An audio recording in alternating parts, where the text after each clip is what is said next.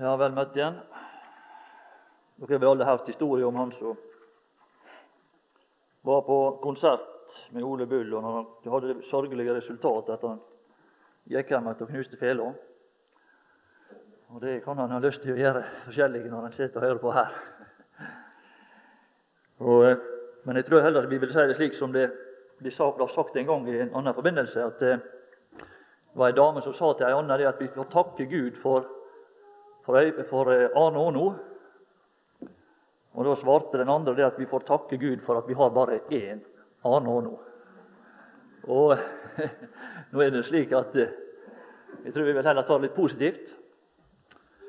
Vi er glad for både, både Henrik her, og vi er glad for når Håkon, og vi er glad for, for mange mange som vi hører går opp på denne talerstolen.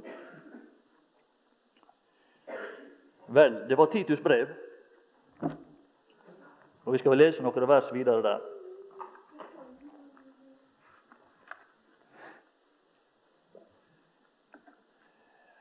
Derfor, i vers 5, lot jeg deg bli etter på Kreta, for at du skulle innsett, eh, for at du skulle sette i rette skikk det som ennå sto tilbake og innsette eldste i hver by, således som jeg foreskrev deg. Om noen er ulastelig, en kvinnes mann, og har troende barn som ikke har ondt ord på seg for ryggesløshet eller er gjenstridige. For en tilsynsmann skal være ulastelig som en Guds husholder, ikke selvgod, ikke vredladen, ikke drikkfeldig.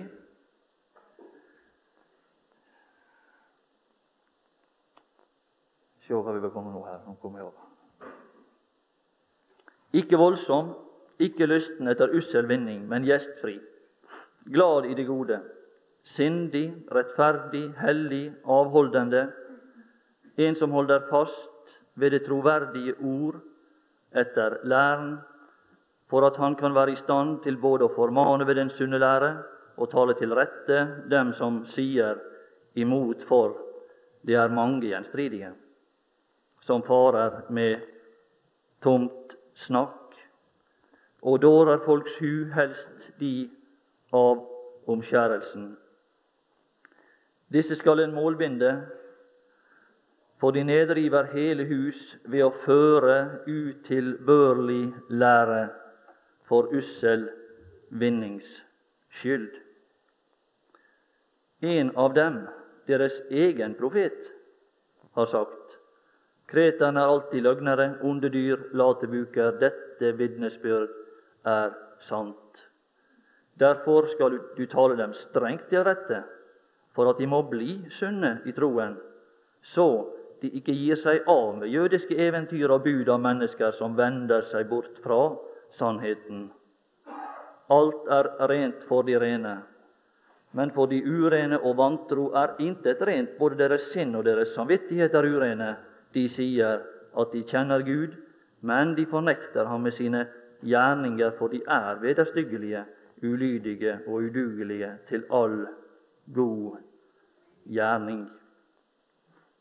God gjerning. Vi legger merke til at her er noe synlig. Det hele tida fokusert på det som skal komme helt fram til det, til det synlige. Det skal komme fram i dagen.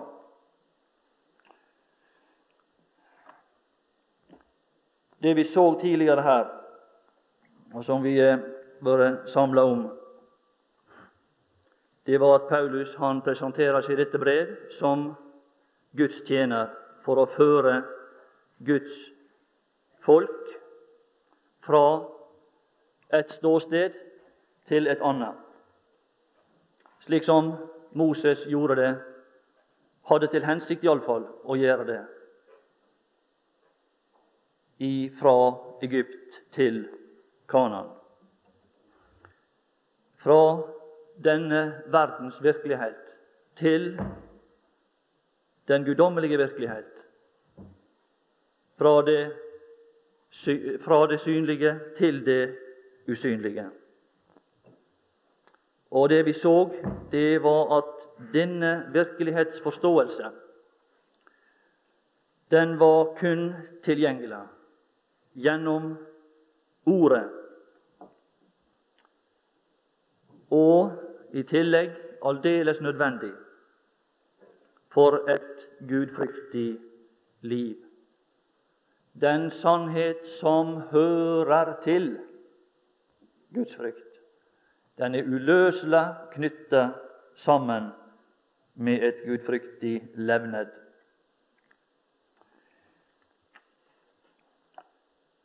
Det som vi så i vers 4, det var at der var en tjener som tar Titus ved hånden til Titus. Og Det var en tjener som hadde et budskap, som hadde noe å fortelle til denne Titus. Og det var i karakter av en betroelse. Det var noe han betrodde Titus. Det som ble meg betrodd, det er noe verdifullt, det er noe, et innhold i dette, Titus, som er av aller, aller største verdi for deg. Det er det, det er det gull, det er de verdier som kommer ut ifra den evige verden, og som, om du tar imot det, vil løfte deg opp over de samtid, og vil sette deg til, i stand til å gjøre og yte ting som dine samtidige ikke kan. Fordi de har ikke denne betroelse ifra den evige verden. Det er betroelse til Titus, min ekte sønn, i den felles tro. Det er slik det er slik Guds tjener taler fra den himmelske verden. Det er slik Guds tjener kommer til syne i denne verden. Det er som en som har noe som, han, som, som har usedvanlig betydning, og som det er av veldig stor viktighet for den som sier det, å få overlevert det, overgi det til trofaste mennesker. Og det skal sette disse trofaste mennesker i stand til å yte noe og være noe og gjøre noe som andre ikke kan. Og de har en usedvanlig verdi å bli stansatt på denne måte og få motta denne betruelse og være slike personer som blir betrutt noe ifra Gud. Og Det er slik Guds tjenere kommer til syne. Det er med verdier. Det er med noe som er ukjent i denne verden. Det er slik også vi må gå opp på en talerstol. Det er slik vi må vandre iblant hverandre. Det er ved å forvalte disse evige verdier det var det denne tjener hadde med seg fra dette fremmede land. Det var, et, det var kameler fulle. Det var fulle av perler, fulle av kostelige ting, står der, som han overleverte i det andre land der borte. Hva var der? Rebekka skulle beskrive hva som var der. Så sa hun her er fullt opp av fôr og halm hos oss.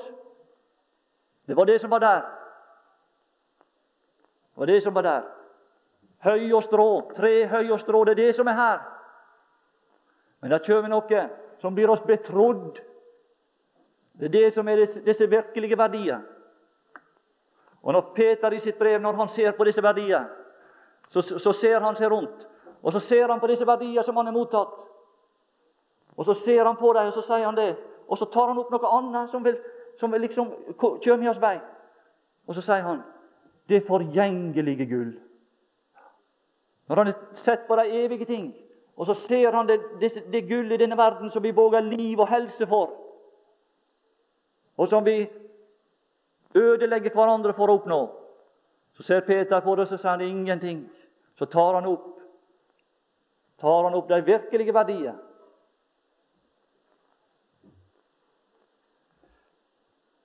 det ble betrodd. Og her er det noe som Titus får til Titus. Det kommer ned til Titus noe som fører inn kvaliteter her, og vi skal se ut gjennom dette brev. så blir det ved disse verdier ført inn kvaliteter inn i det praktiske liv. Og det står opp i person, Disse kvaliteter står opp i personer. De står opp i personer og blir synlige i folkelivet på rent praktisk vis.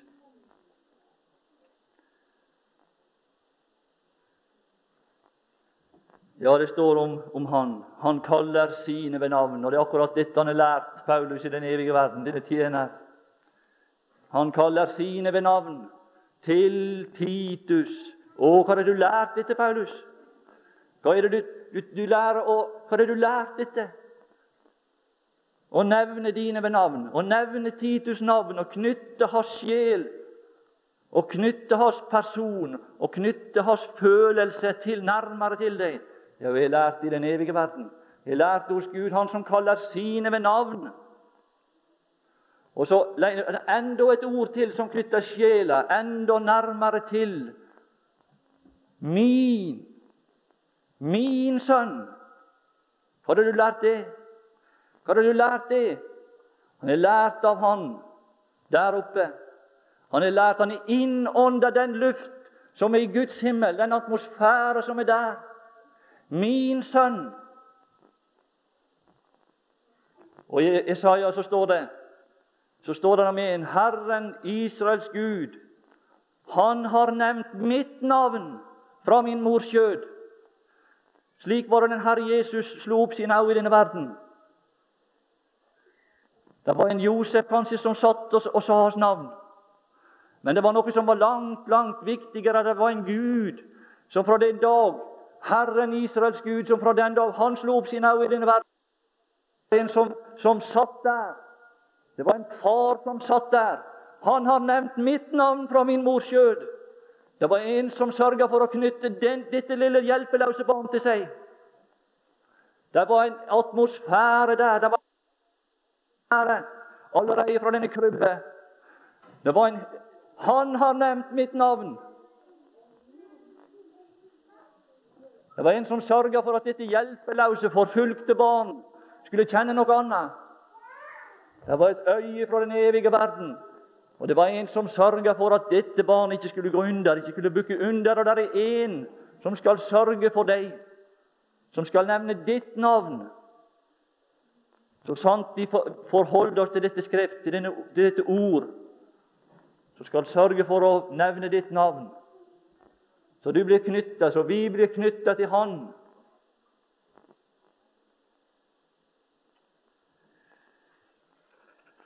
Ja, vi la oss resultatet.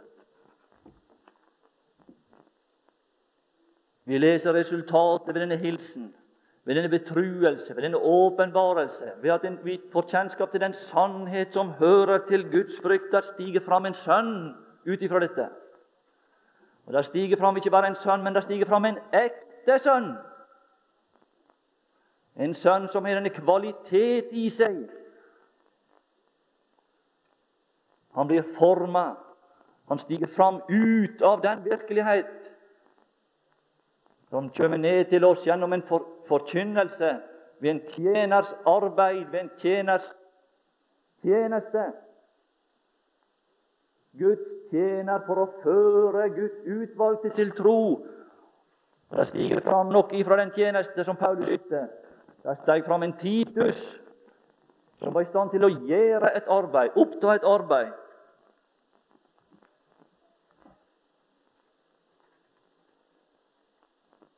En sønn som kunne også gjøre ei gjerning som var i samsvar med denne sannhet, med denne virkelighet.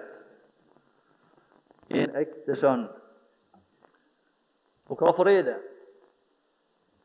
at vi så at det så lett kan skje for oss at vi ikke blir ekte sønner av Paulus og hans undervisning? Hvorfor er ikke vi ekte alltid? Og hvorfor er det så lite ekthet i mitt liv? Fordi vi ikke blir ført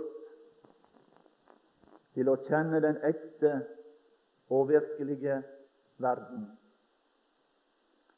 Men vi blir heller, som det står her, vi blir ført på avveie som vil oss. Vi blir ført på avveie. Og Derfor det også står det at vi må holde fast. Holde fast. Og Det som er sant om oss, kan skje, til en viss grad iallfall, når vi skal se på det fra den negative horisont, det er det at vi er fremmede for det som virkelig er ekte. Og derfor så kan vi heller ikke opptre på en ekte måte. Og derfor er vi til, også til en viss grad fremmede venner for den hilsen som her står. Nåde og fred fra Gud, vår Far, og den Herre Jesus Kristus, vår Frelser. Det er på en måte noe som ikke når oss. Vi er fremmede for denne, det som kommer ut. Vi er fremmede for denne åpenbarelse. Vi er fremmede for dette er en del av det som hører med til denne åpenbarelse, den sannhet som hører til Guds frykt. Der er denne fred, der denne fred og denne nåde møter oss. Ei hilsen på, på, som, som, som, gir oss denne nåde, denne fred, og har med seg dette. Og vi kan spørre er det denne nåde og fred som, som blir opplevd av oss i vår forsamling. Det kan være mange, mange ting som er iblant oss, som ikke har denne karakter. Ting som i, i, i seg sjøl og utafor menigheten er gode og, og prisverdige nok, men som i menigheten er til erstatning for Nettopp det som vi her taler om, denne nåde og denne fred som skulle komme ned gjennom dette budskapet og inn og beherske Guds menighet.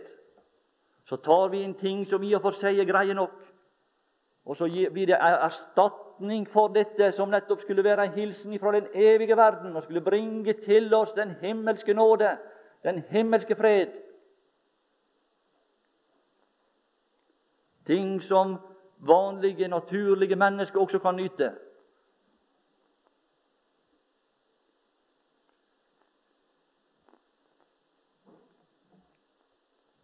Det vi ser her i vers 5, det er en ekte sønn.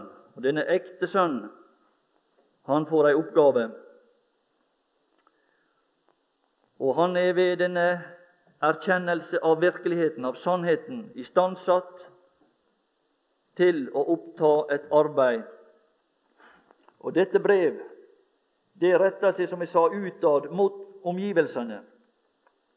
Og Det som var målet, det var å sette, inn, og sette i rette skikk det som ennu sto tilbake, og innsette eldste i hver by. Og her er litt av karakteren i brevet. Når dette brev har, er ferdig, så har det ført fram vi, Hvis du leser og grunner på det, så vil det føre litt fram av denne eldstes karakter også i deg. Det er det som er hensikten med brevet. Det er å innføre den eldstes karakter i den som leser det. Og innføre litt av den eldstes karaktertrekk i de menigheter som er opptatt med det.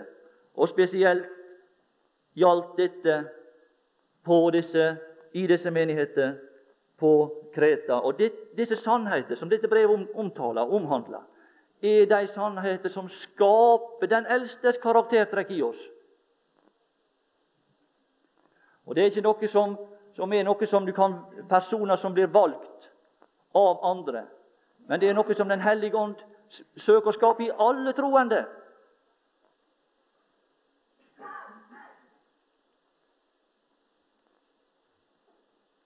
Hva er Håkon las i går fra Peters brev. De eldste iblant dere formaner jeg. Hva er den eldstes første karaktertrekk? Det er å vitne En eldste, en som vitner. Og hva vitner den eldste alltid om? Hva vitner han om? Om Kristi. Det er alltid Kristus. Det er alltid Kristus. En, person, en eldste viser alltid til Kristus. Det er hans første karaktertrekk. Det er hans første kjennetegn. Han vitner, han taler. Han taler, han bruker ordet. Det er det som er en eldste. Men ikke bare det. Men det er det første, det er det viktigste.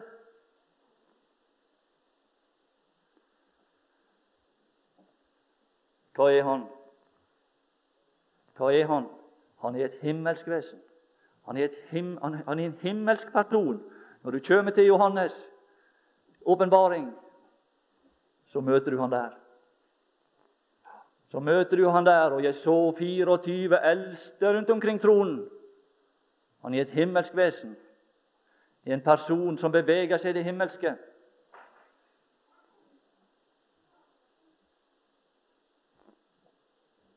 Innsette eldste i hver by. Ja, når vi tenker på en eldste, så tenker vi kanskje på en gammel mann med svart dress og, og, og, og hvite skjorte. Og så ei veldig alvorlig mine. Ja, det er en eldste. Nei, en eldste er ikke det. Det kan være det. Og det er ikke noe galt i at folk har svart dress. Det er ikke noe galt i det. Men det er noe annet. Det er noe innvortes egenskaper som, som du kan finne i en ungdom. Du kan finne det fordi de gamle er ikke alltid vise, står der. Og Smørbukk han skrev det 'ung og dum'. Det betyr at du Han sa det. Han skulle holde tale en gang. Ja da. Ung og dum. Nei, det er ikke slik. Nei da, det er ikke slik. Det er ikke alltid slik.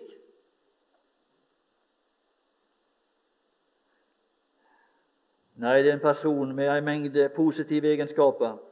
Og Disse egenskaper i forbindelse med en eldste de er alltid synlige. De kommer ut til omgivelsene.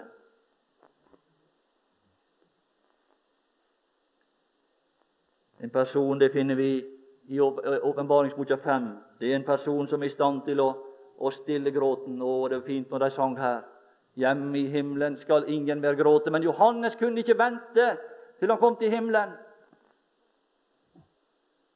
Men da skal vi aldri mer gråte. Men det er av og til det kan være bruk for en eldste som kommer i din vei, som kan stille gråten i denne verden. Gråt ikke Johannes. Å, det er personer som går omkring troen der. Som går omkring tronen. De, jeg så de 24 eldste. Hva slags personer er det? De er personer i forbindelse med ei trone, og som sjøl har ei trone. Det er slike som har innflytelse i den evige verden, slike som har en posisjon. Og fordi de er i besittelse av sin posisjon, så er de i stand til å fungere her i denne verden. For de lar ikke seg vippe av pinnen av en hvilken som helst vind. De blir stående fordi de vet hva de er verdi de har i Guds øyne. De har en himmelsk autoritet, og derfor er de i stand til å gå ut i denne verden. De er i stand til å møte gråten, slik som han møtte gråten hin langfredags eh, påskedagsmorgen.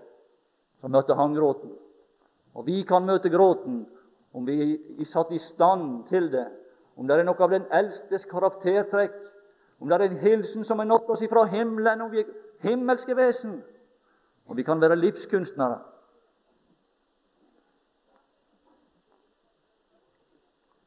Ja, legg merke til den eldste Legg merke til den eldste som talte til Johannes.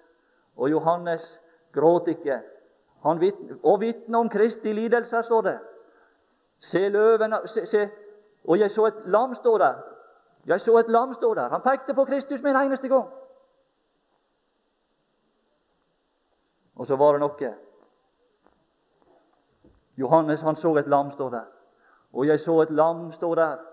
Men så var det den eldste så var det den eldste så høyna hans forståelse, så, og, og, så sa han Se løven, sa han.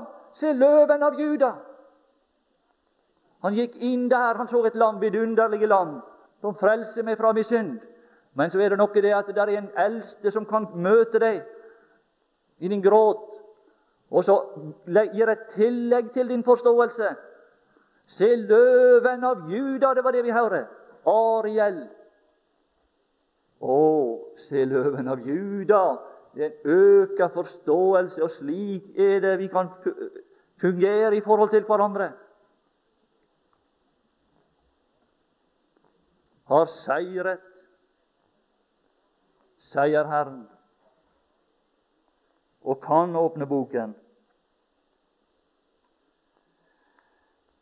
Ja, i dette brev så ser vi det at Paulus han er opptatt med disse byer. I Kolossenserbrevet der er bare én by han snakker om. Eller i, i Hebreabrevet. I, i Kolossenserbrevet så er det det som er der oppe.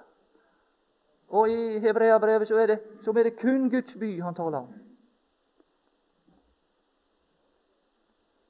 Atter midt i disse byer, på Kreta Er du interessert i det? Ja, ja. Han er interessert plutselig i noen byer på Kreta. At der skulle være et vitnesbyrd fra Guds menighet. Og Det som han tenker på her, er det, det samla vitnesbyrd som disse menigheter skulle avgi til sine omgivelser på praktisk vis. Og det han sikter til og ønske, det at disse, by, disse menigheter skulle fungere i overensstemmelse med den virkelighet som var Guds virkelighet, og i overensstemmelse med han, hans skikk. Og jeg syns det det er noe vidunderlig harmonisk med denne Gud, som kan rette vår oppmerksomhet først på sin by, og så kan han også være i stand til å rette vår oppmerksomhet og etterpå utover til disse andre byer i denne verden.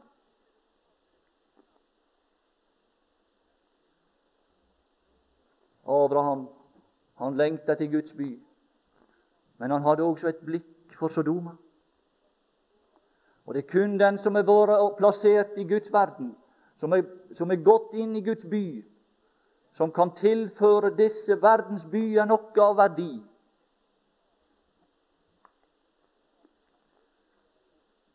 Her er en vidunderlig harmoni i dette. Det gjør oss ikke virkelighetsfjerne å omgås Guds ord og omgås Gud når vi kommer til Hans by. Da er det at Han retter vårt blikk utover for å se utover denne verden.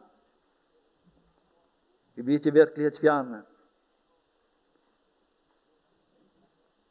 Og han viser oss det at å, i den by der du bor, på det stedet der du bor, så skal du i karakter av eldste skal du opprette ei menighet der som har dette himmelske vitnesbyrd med seg.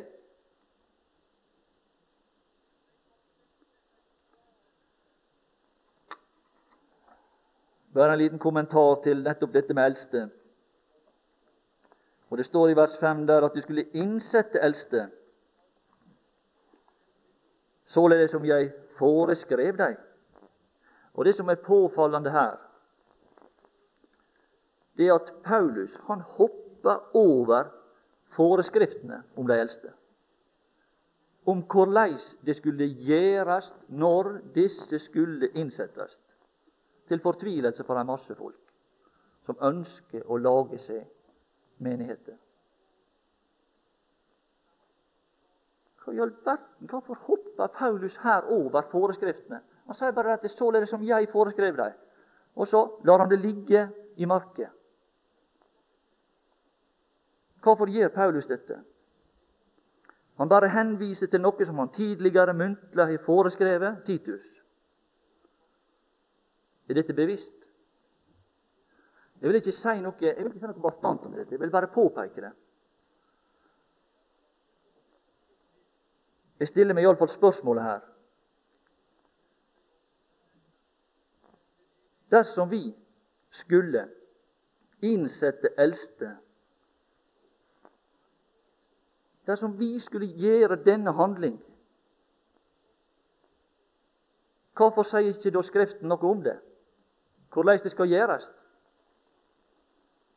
Dersom vi skulle ha en seremoni der eldste ble innsatt, hvorfor beskriver Paulus det da ikke, slik at vi kan gjøre det samme?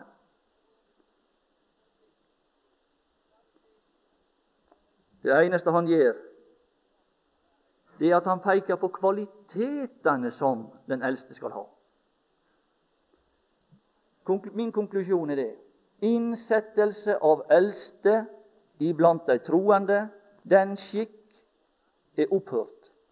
Men de eldste med sine kvaliteter fortsetter å fungere i forhold til det Den hellige ånd danner oss til.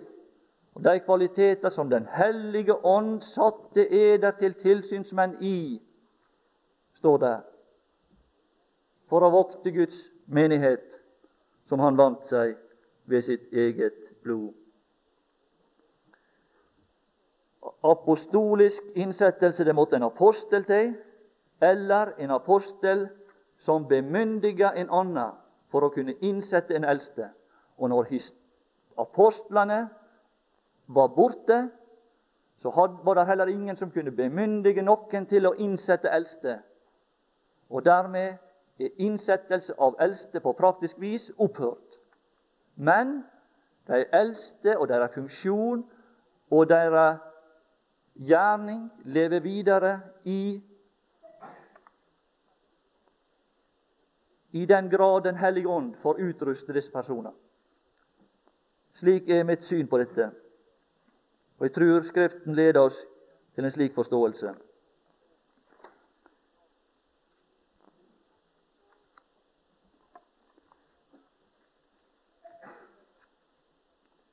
Vi las i vers 2 i håp om evig liv. Som Gud, Han som ikke lyver, har lovt fra evige tider, men nu. Altså det evige liv. Det er nå åpenbart. Og spørsmålet Det er liksom litt luftig, kanskje, for deg. Hvordan kommer så dette evige liv til syne? Altså, liksom Paulus han annonserer her ved begynnelsen at han nå skal begynne å snakke her om det evige liv. Og så begynner han å prate om, om forstandere og menighetsordninger og rent slike trivielle ting som nesten ikke interesserer oss. Jeg skal si det, det, min venn. Det er nettopp gjennom disse synlige, for så vidt trivielle forhold at det evige liv kommer til syne gjennom dagens og livets små og store begivenheter, så stiger det evige liv fram. Og det er det dette lille brevet viser oss.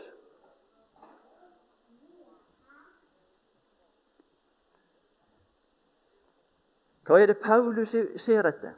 Han ser etter det evige liv i en mann. Legger du merke til det?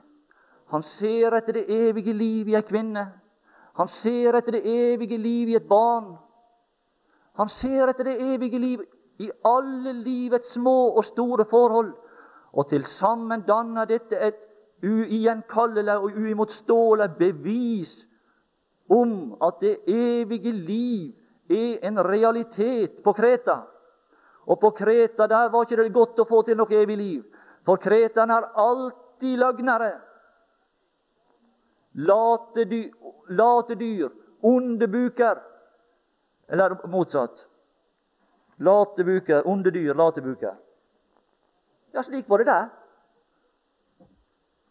Og så skulle det evige liv komme inn og gjøre en forandring her. Det var det Paulus så etter. Og slik er det evige liv. Det er dette som er det evige liv. Det evige liv kommer inn i det hverdagslige forhold. Det er det Gud ønsker oss. Det er det Gud vil se etter. Det er det Gud foreskriver. Alt skal komme i rette skikk, Således som jeg foreskrev deg. Hvordan er det vi foreskriver det evige liv for hverandre? Er det å samles til ekstase seint om kvelden med lite lys? Er det det som er liv? Det er ikke liv. Det er ekstase. Det er ekstatiske forhold. Å gi rom for onde åndsmakter. Nei, er det noe annet. Det skal komme inn i alle livets små og store forhold. Det evige liv. Det var slik det kom inn i den Herre Jesu liv. Det var slik det kom til syne i hans person. Det evige liv. Mens det var, ennå var aldeles mørkt, gikk han avsides. Det var slik det kom inn i hans liv. Han dro til et øde sted og var der i bønn. Slik var han. Slik begynte hans dag. Og det ble et resultat. Hva er det denne tjener fører oss til? Hva er det denne tjener fører fram? Hva er det første han fører fram her? Han begynner å snakke om en mann.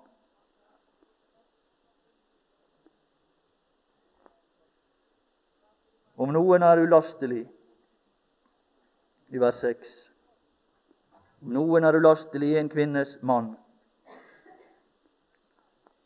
en ulastelig mann Han fester sine øyne på en ulastelig mann. Det er det han prøver å kalle fram. Han prøver å få fram en mann der på Kreta. Ja, Det var ikke lett, det. Nei, det var ikke lett. Han hadde, var en av deres egne profeter hadde sett utover der, i den gjengen der, som gikk og rusla rundt på Kreta. Han har ikke sett en eneste en. Onde dyr, late buker, løgnere. Og skulle det kalles fram en mann, det evige liv, skulle stå opp i en mann Et mannfolk, blir det jo ofte sagt. Ja, et mannfolk. Ja, ja. Denne tjener han, han kommer fra himmelen. Han har, vært, han har sett noe der. Han har sett et mannfolk. Og Han er så betatt av denne mannen Han er så betatt av denne mannen at med eneste gang han kommer til Kreta, så søker han å opprøyse denne mannen, bildet av denne mannen, i en hvilken som helst mann han ser. Å, nei, men du skulle ha sett den mannen. Jeg må prøve å, må prøve å, å, å tilføre deg noe. Du mann, du som er en løgner, du som er lat. Ja, jeg er lat. Ja, kjenner godt det. Er vi det?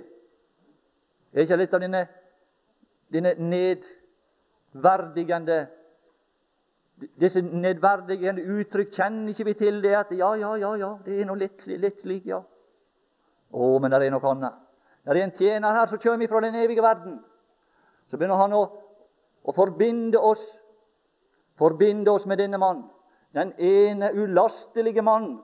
Og På denne måten kan det oppstå noe av denne ulastelige manns karakter i oss.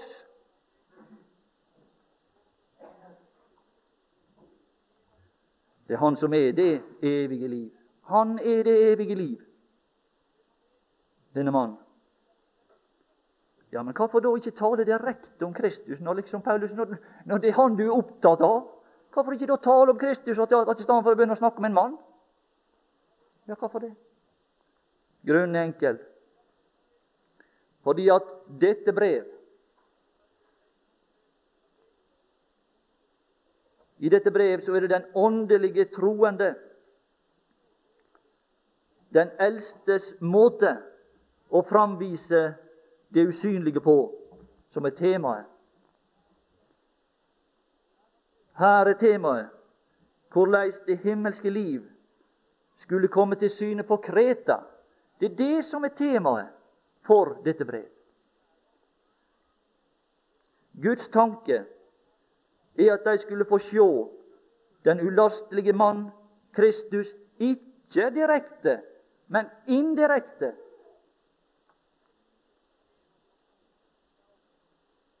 Guds mål er å ikle enhver troende mann noe av denne ulastelige manns karaktertrekk og gjøre han til et realt mannfolk. Det er det som er Guds tanke. Tenk en ulastelig mann. Hva er det vi hører om da? Med en eneste gang? Ja, ja, hva er det vi hører om da? Når det er en skikkelig mann. Med en eneste gang så hører vi om ei kvinne. Ja, det er noe rart, da. Det er ikke rart. Når det er en skikkelig mann, så er det snart ei kvinne. Og det er det vi ser her. Med en eneste gang mannen er nevnt.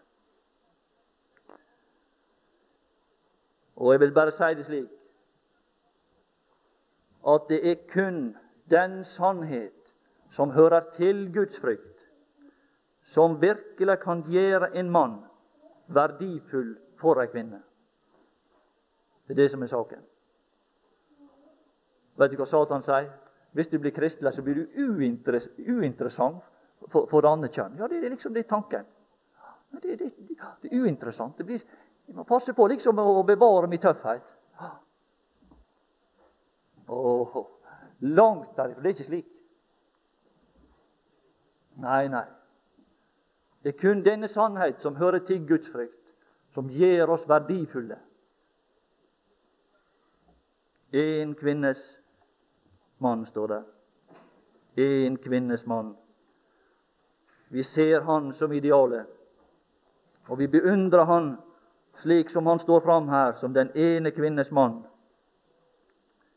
Og dette blir på denne måte, når vi får øye på han som den ene kvinnes mann, så blir han idealet for, for, oss som menn. Det blir tilført oss noe i vår karakter ved å betrakte Han som kommer vel med i disse tider, som kommer vel med i den verden som omgir oss.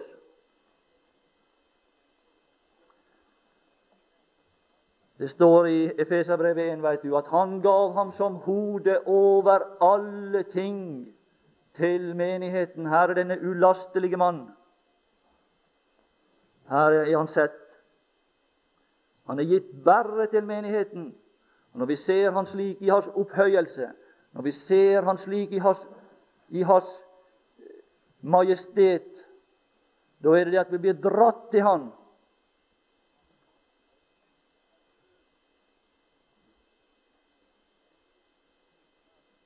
Ja, vi kunne, vi kunne spørre hvor mange kvinner er det som lever i slike forhold. da. Jeg skal ikke be dere om å rette opp hendene. Det skal ikke gjøre. Det skal jeg få vokte meg vel for. Men det er noe vi bør ta lærdom av. Og det er noe som blir tilført oss ved å betrakte Han den ulastelige mann. Og det er ganske klart denne, at det får alvorlige konsekvenser rent praktisk med en eneste gang når den troende mann mister begrepet om Kristus, den ulastelige ene kvinnes mann i det himmelske. Det får med en gang konsekvenser for vårt liv, kvaliteten av vårt liv. Kanskje ikke forhandling, slik ytre handling i det første, men intensiteten, hengivenheten og det gode forsvinner. Og så får det kanskje alvorligere konsekvenser på sikt. Og la oss, vi som er menn, kanskje, selvfølgelig i all vennskapelighet, vil jeg si det, slik at ikke får juling når jeg kommer ut her ta med oss dette lille inntrykket fra denne mannen. Han satser alt på det forhold han er i. For han er det bare ei kvinne. Det er det bare, Hans øyne er retta bare én vei. Og Det er noe vi burde ta med oss og satse alt på det forhold vi er gått inn i. Satse alt på det. Og jeg tror det, vi som mennesker opplever det, at vi får mer igjen enn det vi gir. Det er noe som kommer tilbake.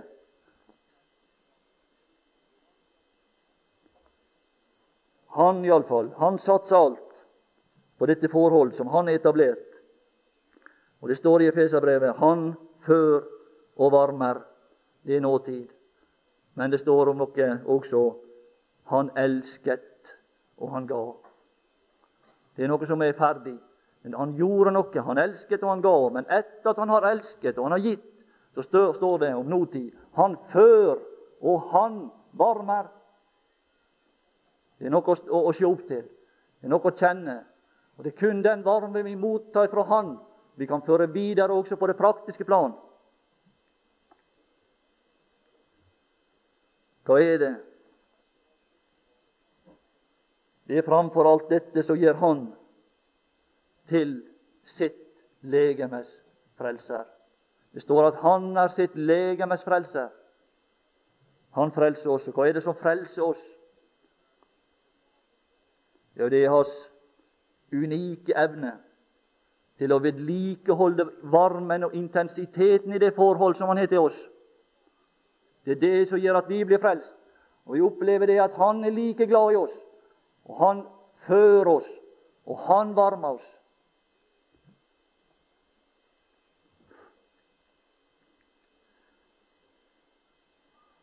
Hvordan skal dette komme inn i oss? I Feserbrevet så står det hvorav dere, når dere leser, kan kjenne.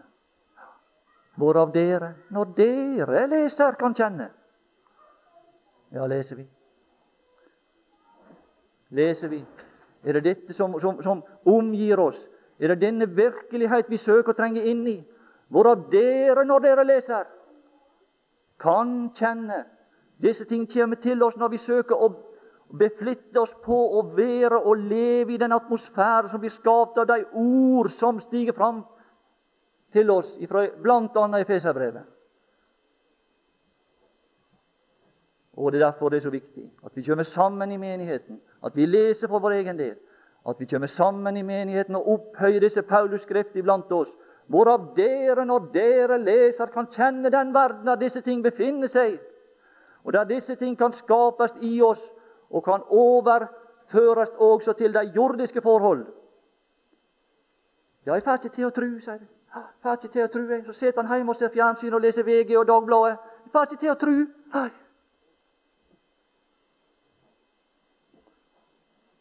Vet du hva det står? Troens ord. Det er det ord som bringer troa med seg inn i ditt liv. Troens ord, det som vi forkynner, vi må søke det ord, vi må oppsøke det ord. Så bringer denne, denne, dette ord troen med seg inn i ditt liv uten at du tenker over det. For det er troens ord, og det skaper den tro som du trenger, og som du ikke får til å lage sjøl. Får ikke til å tro. Nei, det står i Efeserbrevet. Det er Guds gave, står det. Det kommer ned ifra himmelen i, i dette ordet, og så skaper det noe i deg. Får ikke du til å tro, så gå iblant de troende. Oppsøk der Guds ord blir forkynt. Så skal du oppleve det at uten at du tenker på det, så kommer det inn i deg. Så sitter ikke du og jamrer og mjauer på det at du får ikke til å tro. Det er ikke noen som venter av deg at du skal få til å tro det, for det er umulig. Det er Guds gave, står det.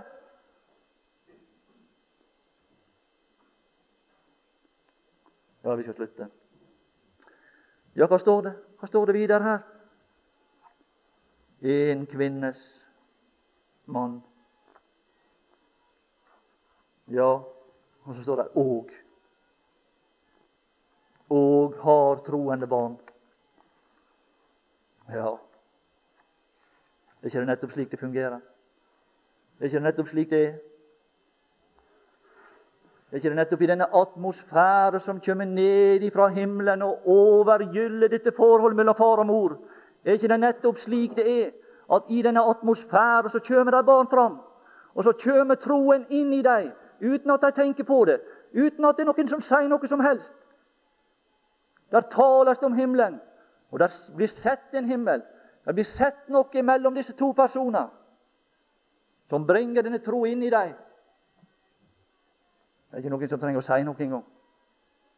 Det blir skapt ei tro det er en virkelighet, en realitet, denne himmel, som blir omtalt. Fordi den er sett. Den eksisterer. Jeg har sett det for mine øyne. Jeg har sett min far, jeg har sett min mor. Jeg har sett en harmoni som er der. Ingen skal ta det fra meg. Og Det er mange som måtte vitne det ved slutten av sitt liv, som gikk bort ifra det. Som må gå tilbake og si det. Det var mor, og det var far. Det var en himmelsk harmoni som jeg opplevde. Og Det er dette Gud er opptatt av i dette brev. At det skal komme til syn og bli en realitet og innsette alt i rette skikk og innsette eldste i hver by. Og at det kunne bli noe av disse som tørka tårer, og som førte freden inn og gleden inn allerede her og nå.